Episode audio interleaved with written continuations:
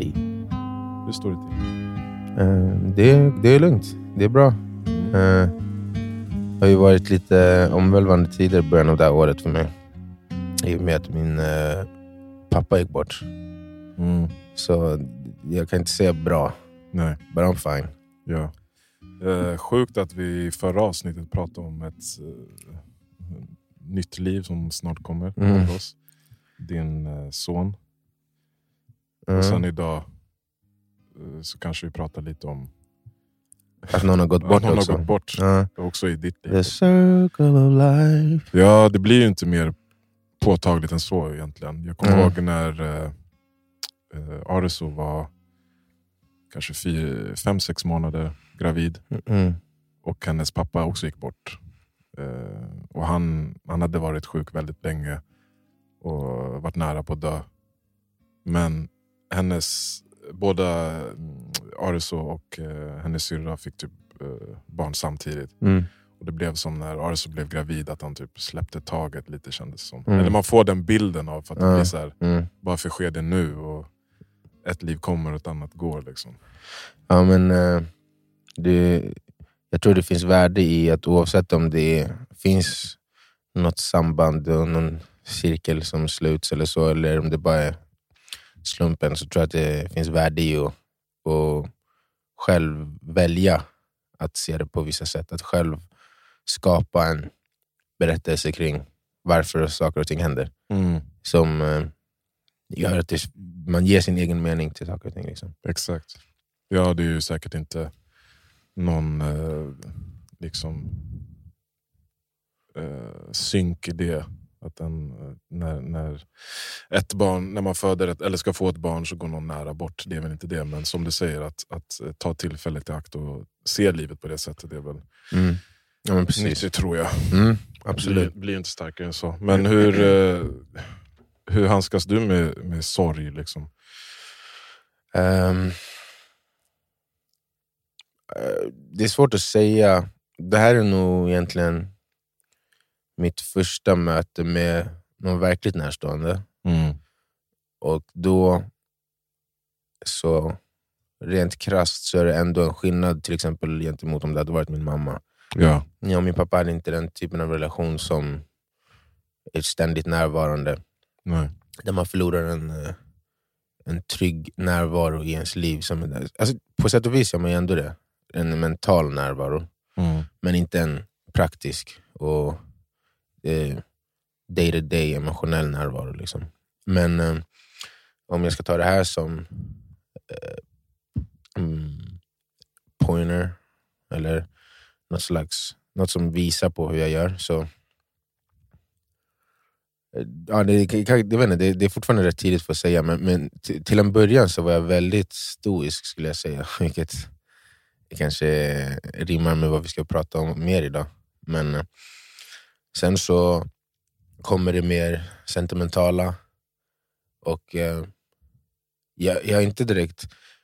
Jag tror att många i min närhet var så här, men du måste låta dig själv känna.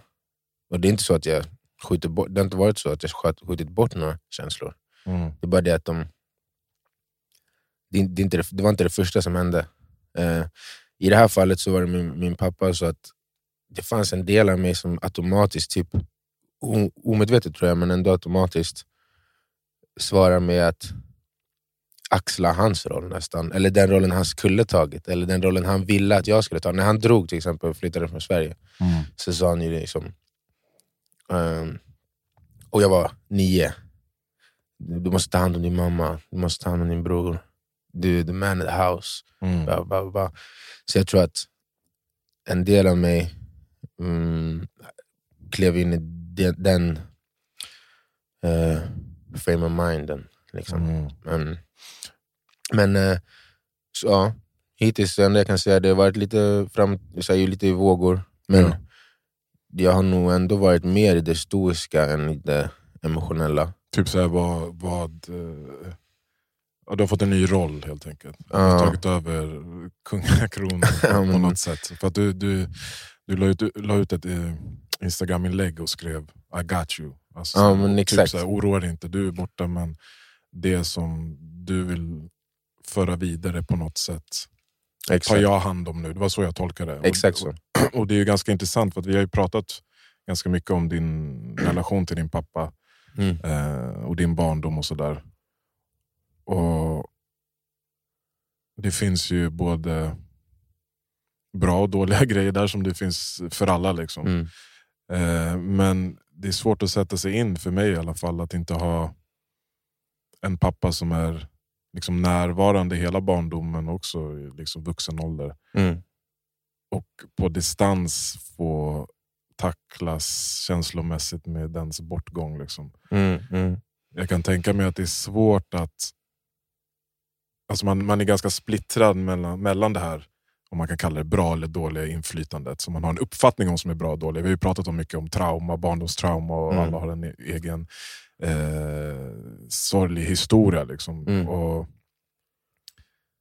när någon dör, jag, jag har den tanken i alla fall, jag har inte någon så nära, närstående som har dött, men man liksom förlåter dem för allt det på något sätt. eh, Förlåter dem för allt det som eh, man kanske önskar borde varit, eller som man Mm. inte fick tillräckligt av. Ja, det Så- blir nästan eh, som att man tycker synd om dem att det inte fick vara så istället. I alla fall i mitt fall. Och alla mina syskon och sådär.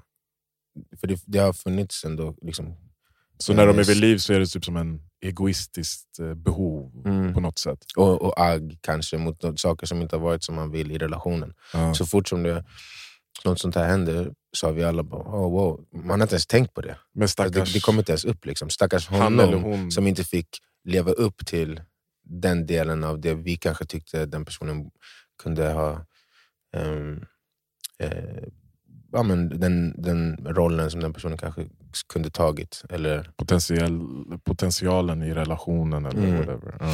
han är, alltså det, för mig är det mest känt liksom, som att just det du säger, potens, den potentiella framtiden. Mm. Mycket det har man sörjt. I och med att det inte var en så konstant närvaro. Ehm, samtidigt som eh, det var inte out of the blue för mig. Eh, vi har ändå haft kontakt.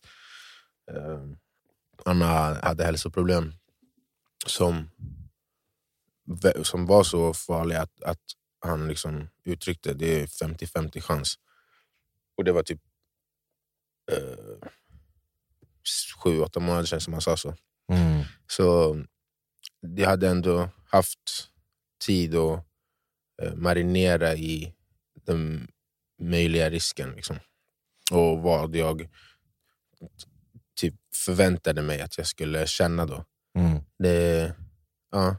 Så att på sätt och vis så hade jag väl kanske bearbetat delar av det redan innan. Och som jag sa till dig tidigare, att så här, i och med att relationen var som den var så, och man över tid kanske hade mindre och mindre av en relation och till och med. Mm. Så i och med att det händer så sörjer man på vägen också. Så det känns som om jag var om det finns en hundraprocentig mm, mängd sorg Mm. så hade jag känt en del av den redan innan. Ja. Vilket gör det ja, men, kanske eh, gör en mer benägen att inte gå under eller bli helt eh, liksom, eh, fördärvad av Ja. sorg. Men det är när jag tänker på att mina föräldrar ska gå bort, eller du eller min syster, eller liksom mina barn eller min fru, eller den, de närmaste. Mm. När, när jag tänker den tanken så är det ju rädslan för att känna just att liksom, potentialen av relationen fick inte spela ut, den fick inte leva. Mm. Alltså, jag uttryckte inte tillräckligt många gånger hur mycket jag älskar den här personen. Jag var Mm, inte till Exakt. hjälp alla, eller inte alla gånger, men de, även de gånger jag kunde så valde jag inte att vara till hjälp. Alltså man är ju inte en perfekt person för alla. men som exakt. alltid är där och Mm. alltid liksom till hands. Det är Och- delvis sådana saker som, har, som poppar upp. Ja. Eh, sen tror jag som sagt, det fanns skäl till att känna att den andra inte hade gjort det kanske mycket, mycket mer Mm. än vad jag själv känner kring mig själv. Vilket gör att man har mer förståelse kanske. För, alltså, I alla fall jag har känt att jag visat mig själv mer förstående, förståelse än vad jag hade gjort om jag hade känt samma sak om det var en annan lika närstående rent Mm. eh, på pappret.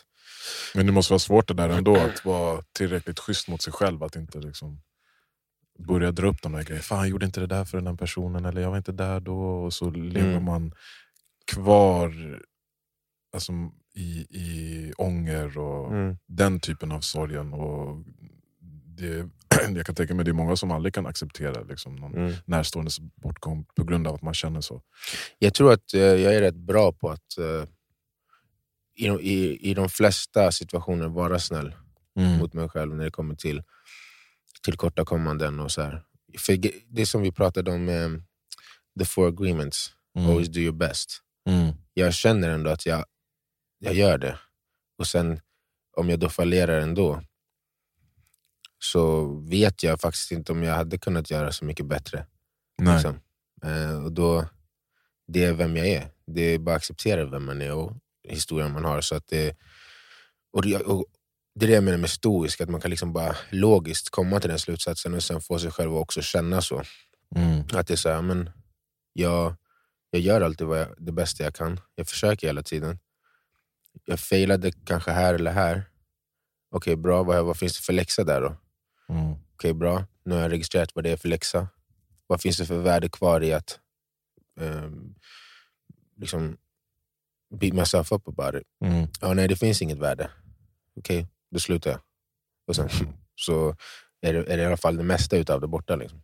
Men vad, vad menar de som säger att här, man måste låta sig leva ut eller uttrycka alla sina känslor? Det är som att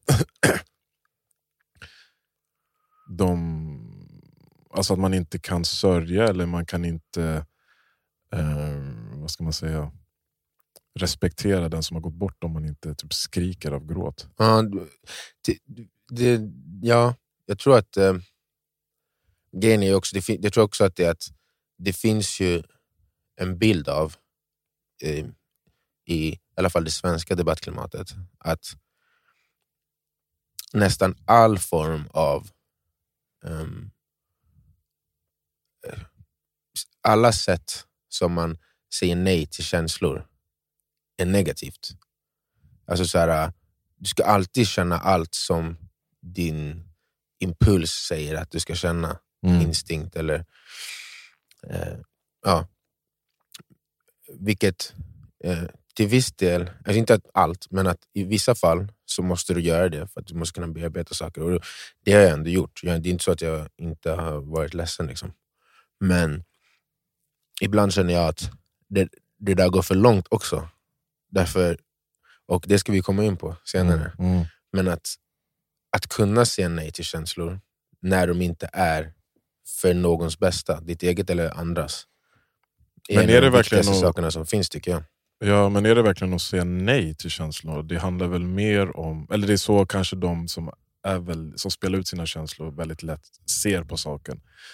Men jag är ju väldigt lik dig, jag ser det mer som att jag iakttar mina känslor före jag eh, reagerar bara. Mm, för du är dina känslor. Precis, Mm. så att eh, känslorna fungerar mer som ett... eh, ett eh, alltså det känns känslokallt att säga. Alltså man är ju sina känslor, man äger dem. Eller man, man äger sina känslor, men Man är, Är inte sina känslor. Nej. Nej. Exakt. Eh, nej, men jag håller med. Alltså, jag, jag, jag sa till och med till, till min mamma när vi pratade en, en av de här dagarna, jag bara mm, I'm a fucking psycho. mm, Look at me, I'm calm. Typ. mm, Um, sen var jag inte calm hela tiden. Jag, var, jag skrek inte heller. Men, eh, det, det, man kan få den känslan. Men jag tror också det delvis beror på samtiden. Alltså att det är så många runt omkring en som pratar om att, och, och, och, att man, man liksom, jag menar, speciellt män då, mm, inte är i kontakt med sina känslor. Och det finns ju mycket sanning i det.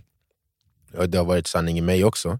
mm, Men det är som när vi pratar om att man står på ena sidan och därför ska man bara tycka allting på den sidan är rätt och allting som alla andra gör är Ja. fel. Att någonstans- det, det är oftast en mittenväg som är, som är det rätta och jag känner att ja, det har inte gått jättelång tid men hittills så känner jag att jag har gjort båda delarna mm. i den utsträckning som jag behöver. Och Du kan inte tvinga ut skrik eller gråta. Nej, men- nej, så exakt. det blir också väldigt konstigt. Nej, exakt. Ehm, och sen så är jag inte heller en person som så här, nödvändigtvis vill gråta för att Bröllopet bearbeta var det det. Ja, men det, det var än glädjetårar annorlunda. Ja, Ja, ja. Alltså, Men det det är inte så att jag säger nej till att gråta negativa tårar, men Mm. jag tycker inte alltid att det hjälper mig. Jag tycker inte alltid, ibland mår man bättre efter, och jag, jag har gråtit, så det är inte det. Och jag, har, jag mådde bättre efter de gångerna jag gjorde det, i det, i det här, vid det här tillfället. Men sen när jag hade gjort det så bara, jag behöver inte mer. Varför ska jag göra det? Det, det finns ingenting i mig som känner att eh, det hjälper. Och så, även när jag gjorde det så var det så här, jag känner inte ett behov av att så här, ah, liksom, jag, jag kände till exempel att jag, jag kontrollerar andningen, Mm. så det inte blir ännu mer. Exakt. För att jag känner inte att det hjälper mig att det blir ännu mer. Nej. Det kan få komma tyst. Det, kan få, få, det som kommer ut kan få komma ut, men jag behöver inte hänge mig till de negativa känslorna helt och hållet för att, för att det ska vara ett sant uttryck för sorg. Utan det, det, ja, men det finns en, för mig finns det en, en brytpunkt där det inte längre känns konstruktivt och då försöker jag inte heller bara för att. Exakt. Eh, För frågan är ju om, om det där, äh, den typen av äh, uttryck när det kommer till sorg får en att liksom gräva ner sig djupare eller att ta sig framåt. Mm. Jag tror att det funkar olika för olika människor. Jag Ja, tror men det det finns det de också. som folk gråter och så i, i samband med att de gråter så, så ägnar de sig åt självömkan och gräver ner sig djupare. Liksom. Och andra gråter och så är det en frigörelse från sorg och så bara Mm. shit, okej nu har jag gråtit, nu har jag Mm, fått ut det där. mm. Och sen kan man vara pragmatisk liksom, efter det, det. Exakt, och det är det jag menar. Det finns båda delarna och bara du själv kommer veta vilket som är vilket egentligen. Alltså, Mm. Eller kanske att andra också kan veta, men jag menar bara att eh, allt gråt är inte bra gråt. All eh, eh, kontroll över känslor är inte alltid heller bra. Ibland ska du bara låta det vara också. Men ingen kan säga till någon annan vilken, vilken eh, nivå av någon av dem som, är- som är rätt för någon annan.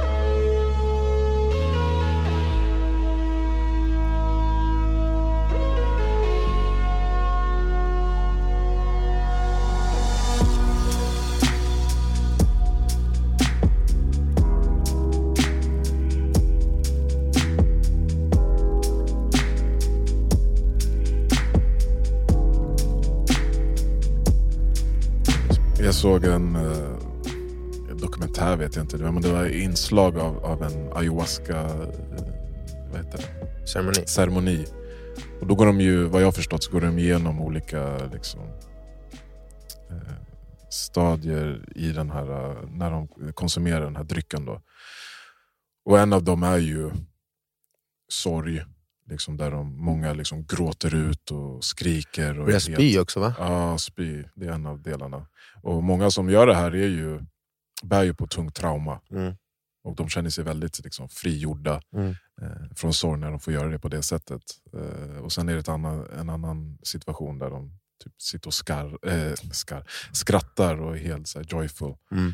Eh, och det är sällan man, jag kan tänka mig om man har ett väldigt, väldigt djupt trauma, så är det något, en liksom block typ där. Eller man kan inte navigera Mm. genom sorgen. Du vet inte om du gråter eh, så kommer det frigöra eller om det kommer gräva dig djupare. Liksom. Mm. Du, du är förvirrad i Mm. det emotionella spelet. Typ. Mm. Ja men precis. Och så där, nu, nu som sagt har ingen så nära mig gått bort ännu. Det kommer ju hända såklart. Och, men jag kommer ihåg när jag var, gamla jag var, vi skulle fylla, vi var 15 tror jag. Mm. Och så var jag på väg hem från eh, träningen och jag träffade en kompis till mig på tunnelbanan. Gabriel hette han. Jag bara, vad händer Gabriel? Är det bra? Ja det är bra, lite förkyld bara. Typ sådär. Mm. skojade och sen stängdes dörren och vi vinkade hejdå. Mm. Och sen dagen efter så fick jag ett samtal av hans flickvän som sa att han var på sjukhus och det var jättekritiskt. Han hade fått så en hjärnhinneinflammation. Mm. Och han var jättesjuk, han låg i koma. Typ. Mm. Och först var det ju väldigt overkligt. Man förstod inte vad det var. Såklart han kommer må bra. Jag träffade honom igår, han var förkyld. Mm. Eh, och sen dagen efter så dog han. Mm. Och jag kommer ihåg att när jag fick höra att han dog, jag grät inte, det var bara overkligt. Jag, typ, Mm. jag gick och träffade hans, eh, hans dåvarande tjej och vi alla samlades och du vet, försökte muntra upp henne. Men sen när det var, eh, kallar man det, avskeds... Eh, när man går och ser kroppen och säger hejdå, liksom, vad fan kallas det? Um, vadå, um, begravning? Nej, inte begravning, det är innan han ska Ehm. begravas. Du vet när de närstående får komma och säga hejdå om de vill och se kroppen. Uh, vad heter det? Jag vet inte. Nej, jag vet inte. Men det gjorde vi i alla fall. Mm. Och då, liksom, när jag såg hans kropp, Mm. liksom själlösa Mm. kropp, då bara... Mm. Bröt ihop. Ja, det blev som en chock för mig. Mm. Ja, jag, jag, jag, jag har tänkt på det också, för det är ju något jag kommer ställas inför. För jag, jag ska, min pappa bodde i Malawi Mm. och jag ska ner och ta hand om allt sånt där. Men det jag ville säga var att när det hände, då kom liksom tankarna kring allt som har hänt honom och Mm. hans familj. Innan Mm. var det overkligt på något sätt. Och Mm. Jag kunde inte kräva att jag skulle börja gråta när, hans, eh, när jag fick veta det. Mm. Men jag tror ändå någonstans det är nyttigt som de säger, spela ut dina känslor. Sen i vilket eh, sammanhang eller det händer, kanske man inte avgör själv, men när Mm. man känner att det kommer, ja, kanske ibland är det bara bra att tömma sig. Liksom. Ja, ja, Jag vet absolut. inte, ja. Det tror jag definitivt. definitivt. Ehm, ja, det är väl bara det att det ser så olika ut för alla. Ja. Och Men det är väl vet overkligt för dig, när såg du hans ansikte sist live? Ja, live. När jag var 14-15 år. Mm. Så det, det är absolut, det kommer ju vara jävligt konstigt att se live nu när det inte är någon kvar där inne. Eh, men, eh, och det har jag också tänkt på, att det kanske är då som det liksom det tror jag absolut. någon, Men samtidigt så, jag kommer ihåg det var en dag som jag bara satt och tänkte på, när vi brukade prata i telefon, hur han garvar typ. Eller så här. Mm. När vi var där, hur han garvar. Och då, och då slog det mig och jag blev ledsen. liksom. Mm. Ehm, och jag tänker att... Och då, då börjar jag också tänka på så här, hur fan hur var sista stunden? Vi var inte där. Exakt. Eh, hur var livet innan det? Vi var inte där. Såna här saker. Mm. Eh, och då satte jag mig ändå i hans skor. Och jag tror att det är väl det som skedde för dig när du såg honom. Mm. Så jag, på ett sätt, om jag liksom känner mig själv rätt så tror jag inte att det blir en chock Nej. som blir extrem i alla fall. Då. För jag har redan satt mig där. Ehm, och eh, ja, då lät jag ju det spelas ut. Liksom, så. Mm. Det, ehm, ja. Sen har det ju varit bara mer med det praktiska. Att man ska dit och allt som man ska fixa när man är där. och sådär. Malawi va? Ja, Sjukt. jag har aldrig varit där heller. Nej. Det ska, det ska tydligen vara väldigt vackert, men det är ju regnperiod. Ah. Det, är inte, ja, det är i södra Ja, Afrika. det. Det är inte. De har väldigt, det det är väldigt annorlunda från Västafrika. Ja. De har mer fyra säsonger, eller tre. Mhm. Typ en eh, kall och torr, Mm. en kort varm och torr och sen en lång varm och blöt. Så det är väl London kanske. De har ju väl,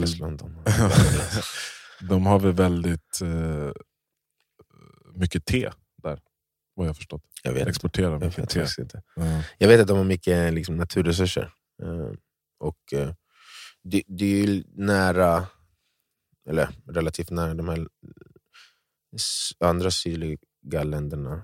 Eh, Zimbabwe, Sydafrika och sådär. Mm. Men de tror jag, det, ja, det kanske inte är så nära som jag nu tänker, för att det, det är ändå rätt annorlunda klimat. Men ja, vi får se. Vi får se. Det kommer bli intressant. Och, ehm, vi, får, vi kanske ser nästa gång vi pratar om, här i mickarna, Mhm. om det är något, något mer jag gått igenom eller om det, om det är som jag förväntar mig. Att det, jag tror att det, det värsta jag kommer känna, det har jag redan känt. Och, det kanske händer igen, men jag tror inte jag kommer känna värre än så. Mm. Ni ser på. Men det är intressant ändå att du känner att alltså du som person ehm, försöker vara den, den, den personen i, i relationen du har med olika folk som ändå är, eller du tar, du tar vara på dina relationer. Du sa ju det att så här, ja, jag brukar inte känna att jag kunde göra mer Mm. för en relation. För att det är, liksom, det, det är medvetet för dig. Så här, okay, jag har den här relationen, jag vill vara den här personen i relationen Mm. och jag kommer göra mitt bästa för att leva upp till de värderingarna. Mm. Men hur gör du det? Alltså hur jag lever upp eller hur jag ser till att jag tänker på det. Typ. Mm, exakt. Alltså, jag kan inte säga att jag...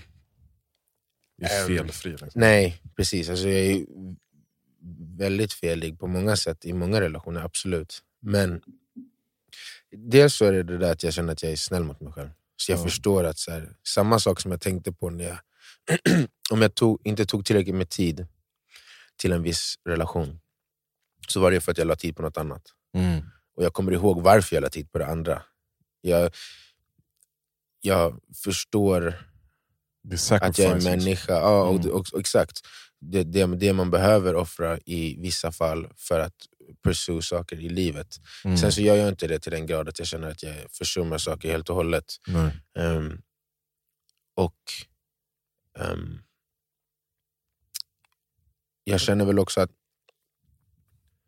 inte, det, det är en sak med familj och en annan sak med vänner skulle jag säga. Mm. För med familj kan jag känna, med, med min resterande familj kan jag känna att det spelar ingen roll vad jag gör. Jag kommer ändå känna att jag inte gjorde tillräckligt när de väl... Med din närfamilj? Ja, min mamma, mina bröder, Mm. så här, mormor. Och det, är den, det, är den, det är den känslan jag tycker är, är läskig. Alltså, om, om jag själv ska ligga där i dödsbädden Mm. och tänker på relationerna, och speciellt de i min närfamilj. Fan, jag, gjorde inte, jag känner inte att jag Mm. Eh, mjölkade ut där ordentligt, eller jag, Ja. jag var där. Men också om någon av dem går bort, att man inte har hunnit. Eller något. Mm. Så hur ligger man i fas? Liksom? Hur gör jag mitt bästa? Eller är det, det går aldrig att ligga i fas, men hur fan ska man känna sig nöjd? Alltså jag tror, varför jag, varför jag på ett sätt inte känner rädslan för det jättestarkt är ju för att de jag tycker är viktiga för mig så uttrycker jag det starkt och ofta. Mm. Ehm, och ehm, när det krisar så, så tycker jag att jag visar det. När de behöver det som mest så tycker jag att jag alltid försöker vara där. Det tycker jag är lätt. Alltså, som, Ja, ja, det- det, det tycker jag är lätt, Mm. men det är svårare att Små saker. För mig, ja, de små sakerna att visa och bekräfta, liksom, det är lätt att glömma. Ja. Alltså jag, jag, jag, där är därför jag sa att jag har fel. Det här har jag till och med fått kritik av närstående. Liksom. ja. Men när det kommer till så här, hur ofta ringer man, hur ofta ses man. Men jag tar också till mig oftast av den kritiken. mm. Till exempel min närmsta familj, ett tag var det så här, du är keff på att höra av dig. Så jag bara okej, gjorde ett nyårslöfte, i år ska jag vara bäst på att höra av mig. Sen dess har jag varit bäst på att höra av mig. Ja. Nu, nu finns det ingen i min familj som kan säga att de hör av sig till mig oftare än vad jag hör av mig till dem. Och om de skulle gå bort så skulle inte jag sitta kvar och känna, varför hörde du inte av dig mer? Och om jag hör av mig än- ännu mer, så känner jag väl, okej, men då, då, om, om någonting händer någon av er, så måste jag kunna vara tillräckligt snäll, så snäll som, mot mig som jag skulle vara mot er. Mm. Och vi har åtminstone, även när jag fick kritik tyckte jag vi var ungefär 50-50 on par. Hur mycket Mm, vi hörde av mm. oss. Möjligtvis inte mamma då. Mamma, Mm. du är bäst, du hör alltid mest. Fast inte nu. Inte nu. Men, men, men, eh, men liksom mina bröder och allt sånt där. Så då känner jag, okej, om, jag, om jag skulle vara cool med vad, hur de har varit mot mig, och jag har varit lika bra mot dem som de har varit mot mig, mm. då, då, då måste jag ge mig själv samma grace. Mm. Eh, Det är väl därför som jag, så jag har liksom rationaliserat det i mitt huvud, för att känna att jag i en, i en liksom, eh, förskräcklig situation, om någonting skulle hända någon av dem, att, Mm. att jag ändå skulle ha tagit vara på relationerna. Liksom. Och sen så, varje gång känslan dyker upp, som att man blir rädd, då försöker jag typ göra någonting direkt. Extra, ja, exakt. Alltså, då ringer jag direkt. Och Då ringer jag varje dag i en månad, eller inte varje dag, men oftare i en månad, Mm. två månader. Och Mm. försöker liksom kickstarta den vanan mera. Eh, Men det är väl just såna här händelser som gör att man tar upp den tanken. Jag menar, nu var det din Mm. pappa som dog, mm, men jag känner, inte, det är inte en rädsla, det är inte oro, men det är ändå så här. Okej jag kanske borde ringa eh, till min pappa oftare också och säga att jag älskar Mm. dig. mm, Eller min mamma, eller min fru, eller mina barn. mm, Eh, jag tycker att jag har blivit otroligt mycket bättre på det nu när, när jag fått barn, för att jag får Mm. praktisera att säga jag älskar dig. För det är, Mm. På något sätt är det lättare att säga till sina barn, eller till barn generellt. Eh, och det har smittat av sig till andra. Mm. Men vi, vi har ju, eller du har ju inte hunnit läsa. Men vi Innan jag, du hoppar in på det, Ja. hur mår du? Aha. Jag tänkte på det hela tiden vi pratade. Jag bara, nu pratar tills till hur jag. Jag måste hinna fråga honom hur han mår. jag mår bra Martin. Bra. Jag, skolan har börjat för barnen, jag börjar jobba igen och kommit in i rutinerna så jag mår bra. Mm. Det är bara eh, daily fight against this fucking weather. Ah, alltså. Men, eh, Men det är typ, jag tycker typ att det här, okej, det är så jävla grått. eh, Och det är ändå deprimerande. Men eh, varje gång snön smälter, det går ju fram och tillbaka som en jävla jojo just nu. Ja. Jag bara yes, den är borta igen. Ja, det är jag glad för. Så det är lättare att promenera Vet du till vad, jobbet. nu vill, nej, men nu vill jag ha snö. Jag och Kenji var ute och åkte pull, eh, snowracer i förra veckan. Ja, Och jag vet inte, av någon anledning jag kunde gå in i att det var att vara bara, alltså, vet du hur kul jag tyckte det var? Vi sprang upp ner för den här backen och åkte, vi gick till en annan backe och åkte. Jag bara, jag, nästa år jag ska till eh, Alperna, jag ska hyra skidor. Jag, bara, jag fick värsta feeling, alltså, jag kände mig som ett barn. Det är det som är kul, du vet, jag brukar prata om så här, när jag jobb, jobbar med barn, bara, jag är ett barn. Ja. Jag är alltid sådär. Ja, jag alltså, varje Ja, sak jag som vet, barn men- gör, jag blir såhär ja! Men man är trött du vet. Aha, Alltså, ja. så, så att det det, ibland kan det vara svårt att ta fram den. Men nu, Såklart, du har ju två små, Ja. små, det blir en annan Jävlar. sak. Men, eh, och sen dagen efter så... Jag bara, "Ah, vi ska åka imorgon, hypade upp. Så här. Jag bara, nu ska vi åka varje dag. Okej, ja, jag fattar. Men, Jag kan ha det lite jobbigare på väg till jobbet så att ni kan få en. Det är ja. Men vi, jag har i alla fall, eller vi ska läsa Mm. eh, Meditations Mm. av Marcus Aurelius. Aurelius. Ar, Arle, Come and take a walk with me. Challenge your wildest dreams.